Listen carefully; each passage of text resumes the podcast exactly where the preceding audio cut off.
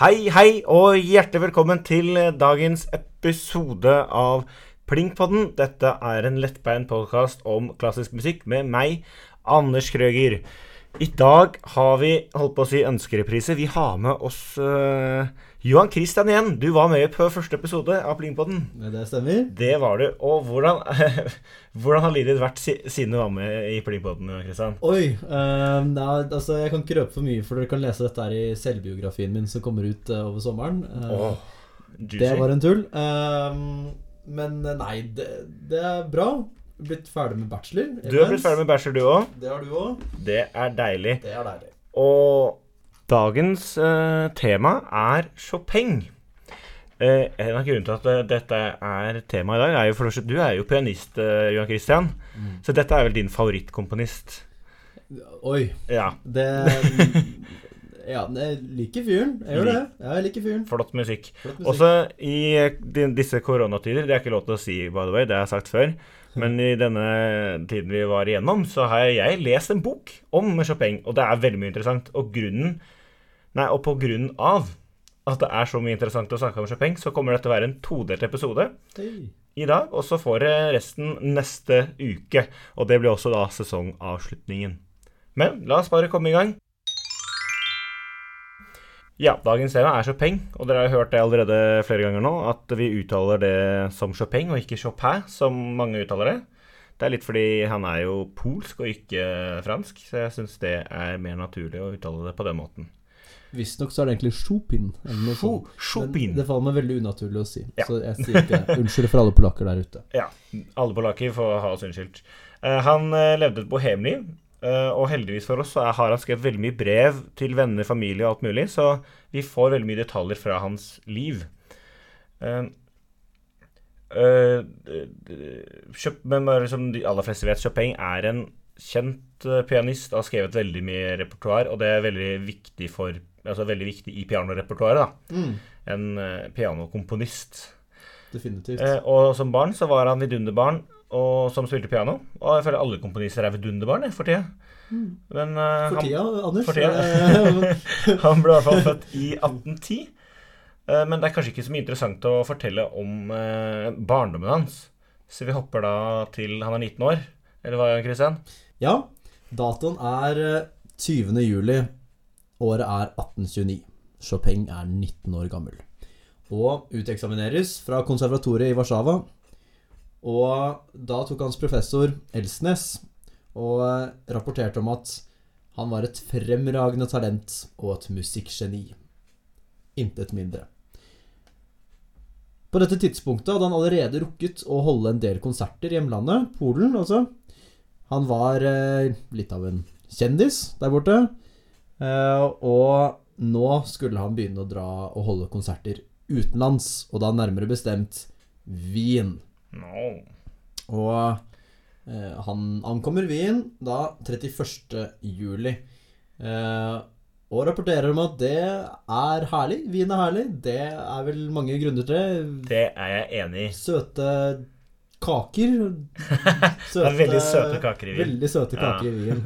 Um, han, det var jo også kanskje stedet man ville dra da hvis man skulle gjøre seg litt uh, Gjøre seg kjent eller berømt i, som uh, kulturperson. Gjøre seg gjeldende.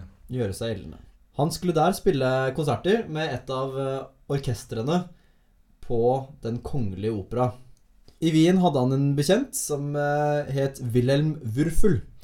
Han var en stor kulturpersonlighet i Wien der. Han var bl.a. sjefdirigent for en av de store orkestrene.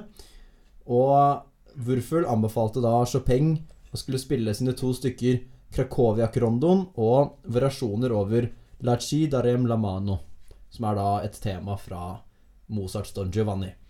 Uh, og eventuelt en, en improvisasjon som ekstranummer. Konserten skulle holdes 11. Og det var bare én prøve samme dag som konserten. Variasjonene de gikk veldig fint, men Eh, Krakowiak-ronden den gikk ikke like bra på prøven. Chopin skrev bitte små noter, og pausetegnet var også annerledes enn det orkesteret var vant til. Dette skapte i hvert fall full forvirring, og det skapte til og med et krangling på prøven.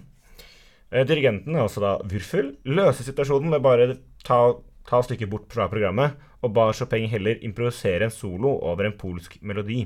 Han kunne bare gjøre det, han. Eh, Chopin uh, skal før konserten ha vært veldig nervøs. Han har bedt kompisene sine sette seg strategisk ut i salen for å lytte etter publikums kritikk. Mm. Det, Det er dette er triks her å, for alle Ja. våre musikkvenner. Eh, han, hans spill skal ha gjort publikum euforiske. Folk skal hoppe opp og ned på benkene. Og hva skjedde med det? Det er ingen som holder på med det Ja, lenger. det, er også, det er et tips til alle våre publikumvenner. Ja. og, og det skal til og med liksom ha skreket eh, mens orkesteret spilte, så man ikke hørte musikken, altså i orkestermedlemsspillene. Eh, Det skal vel igjen ikke så mye til for å overdøve Chopins orkester eh. En av kameratene skal ha rapportert om at flere jenter var veldig betatt av han. Og akkurat det med at jenter er betatt av han, det kommer vi tilbake til, for det er ikke sjeldent i hans liv. Han fikk to kritikker etter konserten. Det ene var en gjeng med jenter som syntes det var synd at han tok seg så dårlig ut. Dette skal han flirt av og svart ja, om det er det eneste problemet, så tar jeg den. Eh, noe han eh, derimot ikke likte, var at noen sa at han spilte litt for bløtt på piano. Dette skulle etter hvert bli et slags mantra i Chopins eh, spill. Han var lei av de såkalte motepianistene som hamret løs på piano, og som brukte for mye pedal. Han ville heller fokusere på frasene med et mykere spill. Mm. Og Chopin var jo veldig opptatt av, eh, av de franske barokkomponistene og, og tidlige klassikerne, og var spesielt opptatt av, av Rameau og Couperin. Eh, og dette kan man jo kanskje koble litt opp mot det, kanskje? At, at han var en som var mer opptatt av liksom, de snirklete detaljene og, og, og klarhet, og, og iallfall i, i pianoteknikk og i spill, da. Eh, som kanskje Og at han så kanskje litt på, på de moderne pianistene litt mer som sånne effektmakere og sånn.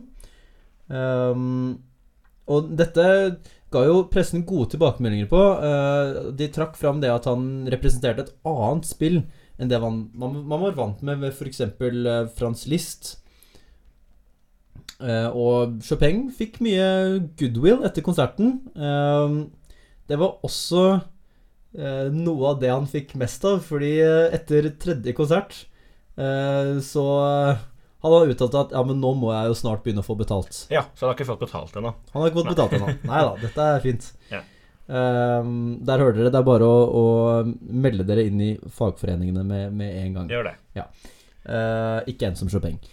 Ehm, men dette løste seg. Eh, han eh, skulle nå spille sin tredje for tredje gang i Wien. Og da skulle han spille en konsert og, og igjen eh, sette opp den, Prøve å sette opp Krakowia-Krondon. Um, denne gangen hadde han fått en kompis til å gå gjennom notene på forhånd, så orkesteret kunne lese dem. Dette ble en stor suksess. Det var mange viktige kulturpersonligheter i salen. En av dem var komponisten Adalbert Grovets Og det står om ham at han ikke bare nøyde seg med å klappe, men han ropte 'bravo'. Det er ikke Wow. hver dag. Det høres ut som en pappa. Hei, pappa. Hei, pappa. Uh, Shout-out til pappaen til Jan Christian. ja da. Uh, de eneste som ikke var eh, overbevist, var en, eh, var en eh, gjeng tyske kulturpersonligheter som var noe skeptiske over dette eh, såkalte geniet.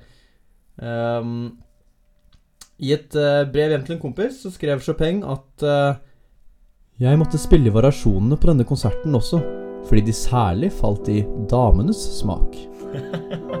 Er, han har veldig mye, veldig mye damer, og veldig mye kompiser. Ja, det er sant, altså. Det er en uh, Er det en Chad vi har her? Det er en Chad. Ja, det er en Chad. Uh, han uh, returnerer nå tilbake til Polen og uh, har var spådd en god karriere. Han ble bl.a. invitert til Berlin neste året. Det lille han hadde tjent på turneen, derimot, var allerede brukt opp.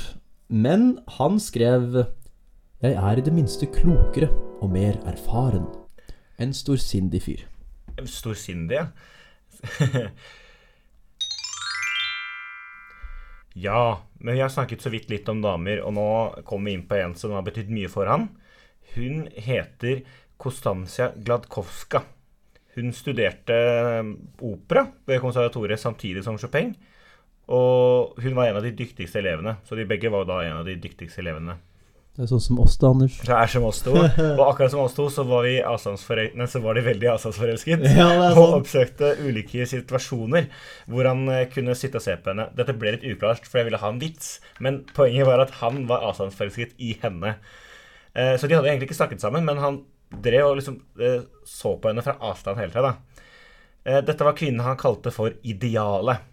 Han eh, holdt for tiden etter studiene på med E-moll- og F-moll-konsertene, som da er for piano og orkester. Og mens han skrev dette, skal han ha disse tankene hele tiden.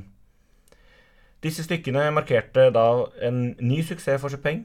F-moll-konserten ble rost opp i skyene, og en musikkritiker meldte at Polen ikke satte stor nok pris på det talentet Chopin var. Han spilte et par konserter i utlandet på den tiden. Oppholdene ble ofte veldig korte. Offisielt var dette fordi han måtte komme seg hjem til Polen og, og fullføre EMO-konserten.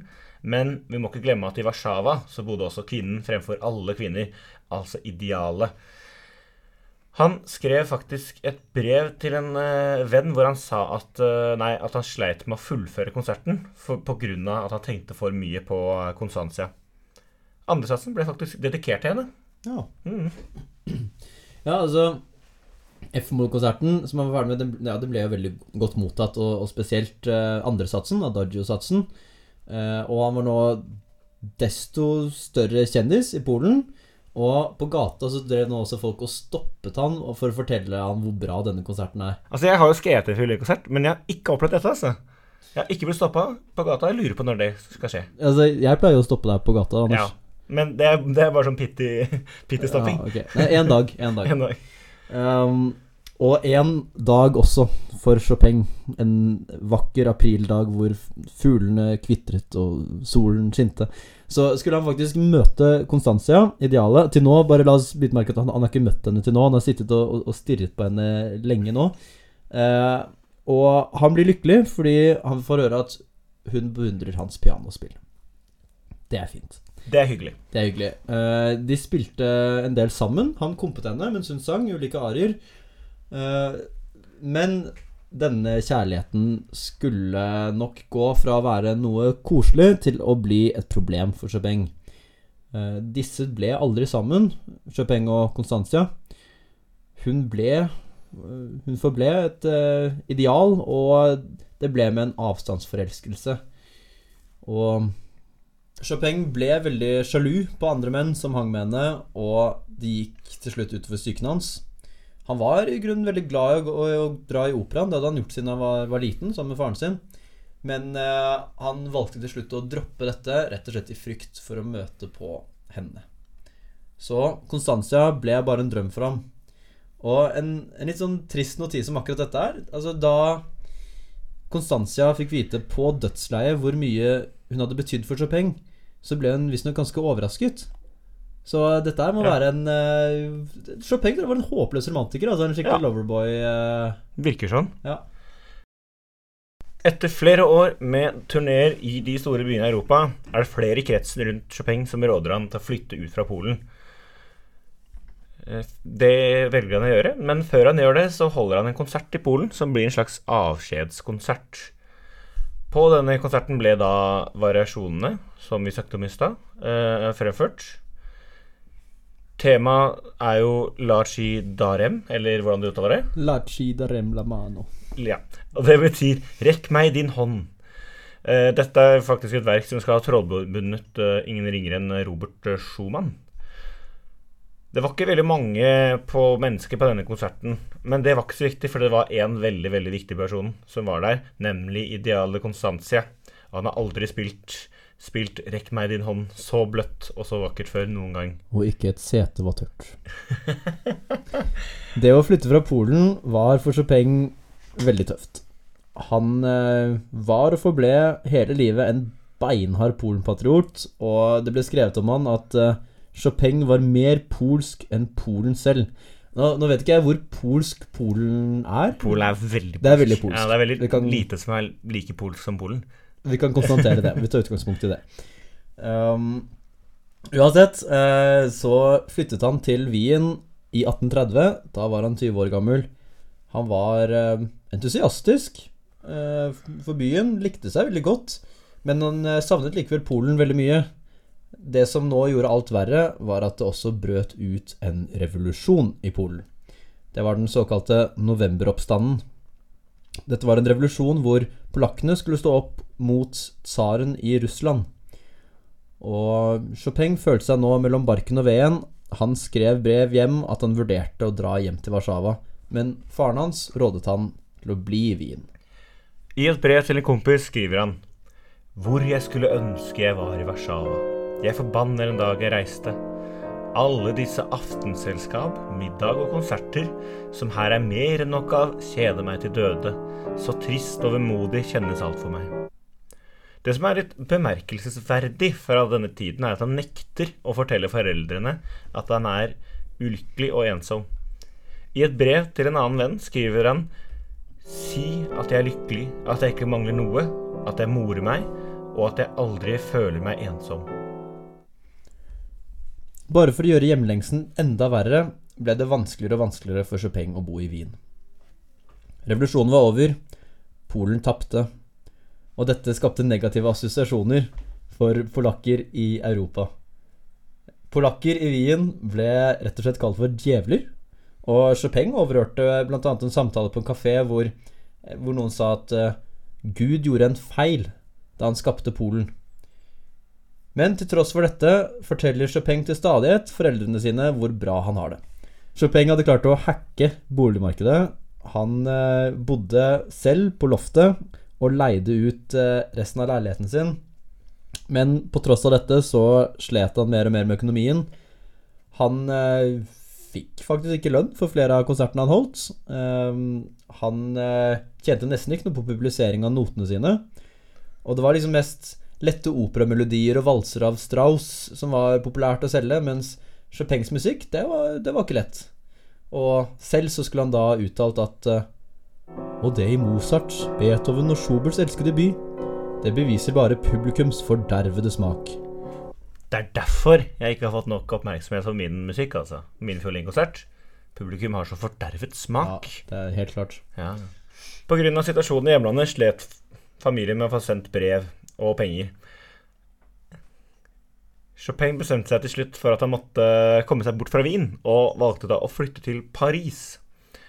Han slet veldig mye med passet sitt, for han ikke hadde fornyet det.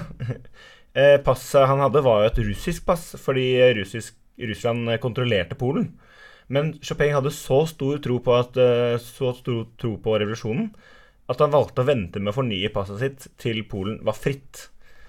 Da fikk han seg ikke et nytt pass, og det resulterte jo at faktisk Chopin levde, i hvert fall i teorien, og egentlig i praksis også, som flyktning resten av livet sitt. Og da bare for å avslutte alt dette med revolusjonen Da Chopin fikk vite at hans fedreland hadde tapt revolusjonen, ble han da selvsagt knust. Han formidlet denne sorgen i hans opus nummer ti, 'Revolusjonsetyden'. Og det er et av de kjentere verkene da, han har. Ja, det er vel en av de mest kjente tydene. Mm. Postyd nummer tolv. Um, nei, nerd Hva? Wow! Um, I 1831 så flytter da Chopin også til Paris. Det var mange polakker som flyktet dit, eh, og der ble de stort sett møtt med litt mer vennlighet enn i Wien. Hans første konsert i Paris eh, fant sted 26.2.1832. Og på denne konserten så var det noen svære folk. Det var Digre mennesker. digre mennesker. Uh, Iallfall i kulturpersonlighet. Eh, vet ikke ellers. Tror ikke ellers. Vet ikke. Nei, eh, ingen kommentar. Eh, disse menneskene var ingen ringere enn eh, Frans List og Felix Mendelssohn. Eh, de satt i salen, og de skulle ha blitt veldig imponert av den fortsatt ganske unge Chopins pianospill.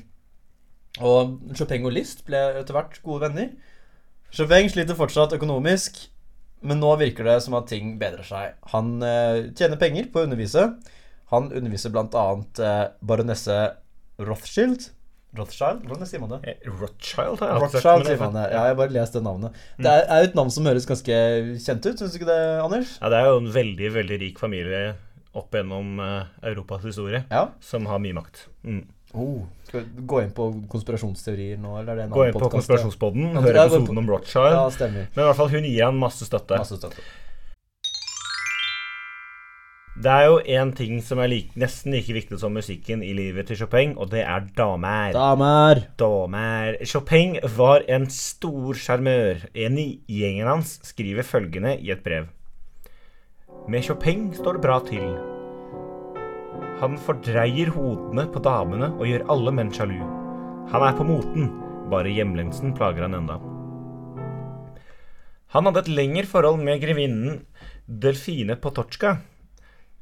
Chopin benektet alltid dette forholdet, men ryktene de gikk jo selvfølgelig rundt i Paris allikevel.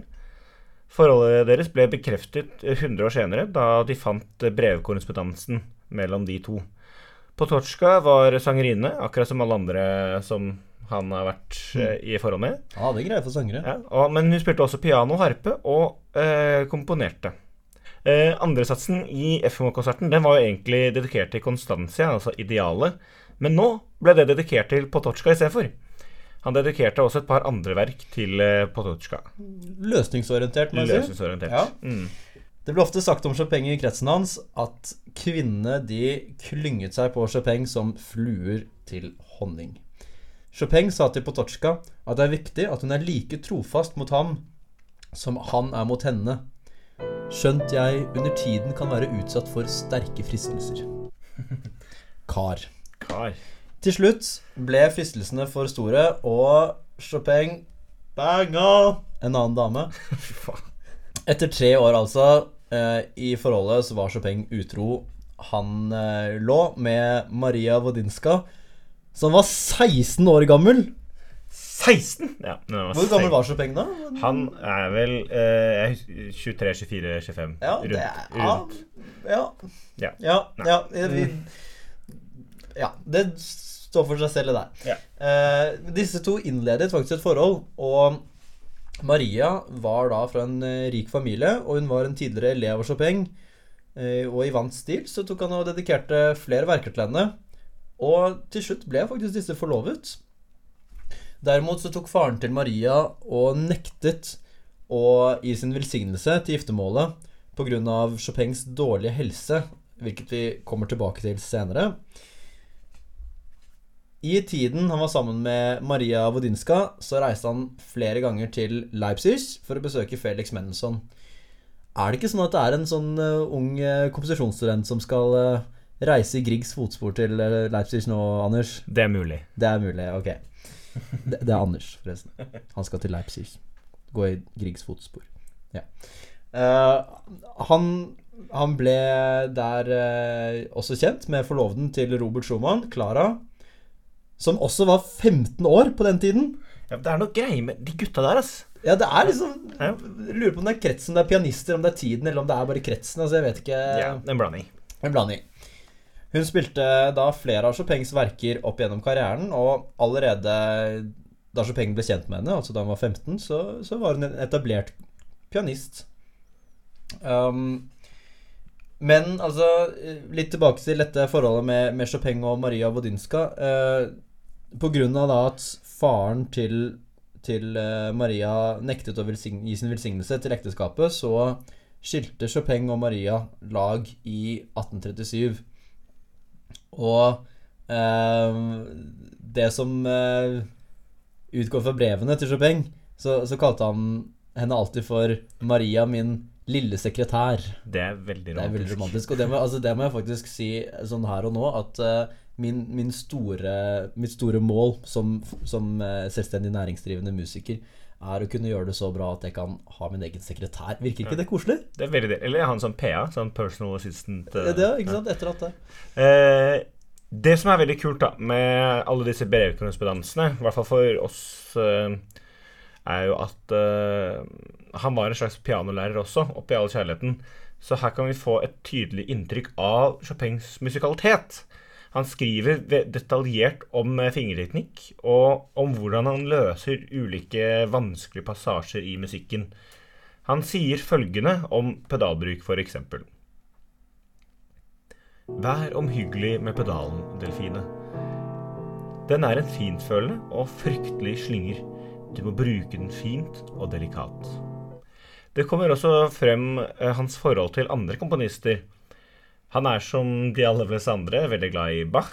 Og det er på en måte hans eh, Altså Bach er hans alfa og omega, eller musikkens alfa og omega, da. Han sier følgende En pianist som ikke anerkjenner Bach, er en fusker og en sjarlatan. Er du enig i det, Jan Christian? Ja, ja, ja. De der lømlene der. Det er mange sjarlataner. Ja, ja, sjarlataner òg.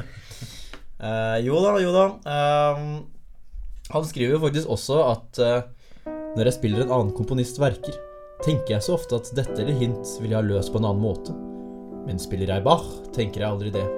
Alt han gjør, er perfekt. Det er umulig å tenke seg det annerledes, og den minste forandring ville ødelegge alt. Hvorfor levde jeg ikke da Bach og Mozart levde? Dette var avslutningen på del én av historien om Chopin. Vi kommer da selvfølgelig tilbake neste uke med den resterende delen av historien. Så her er det bare å henge i. Før vi avslutter, så må vi selvfølgelig eh, ta en liten fun fact.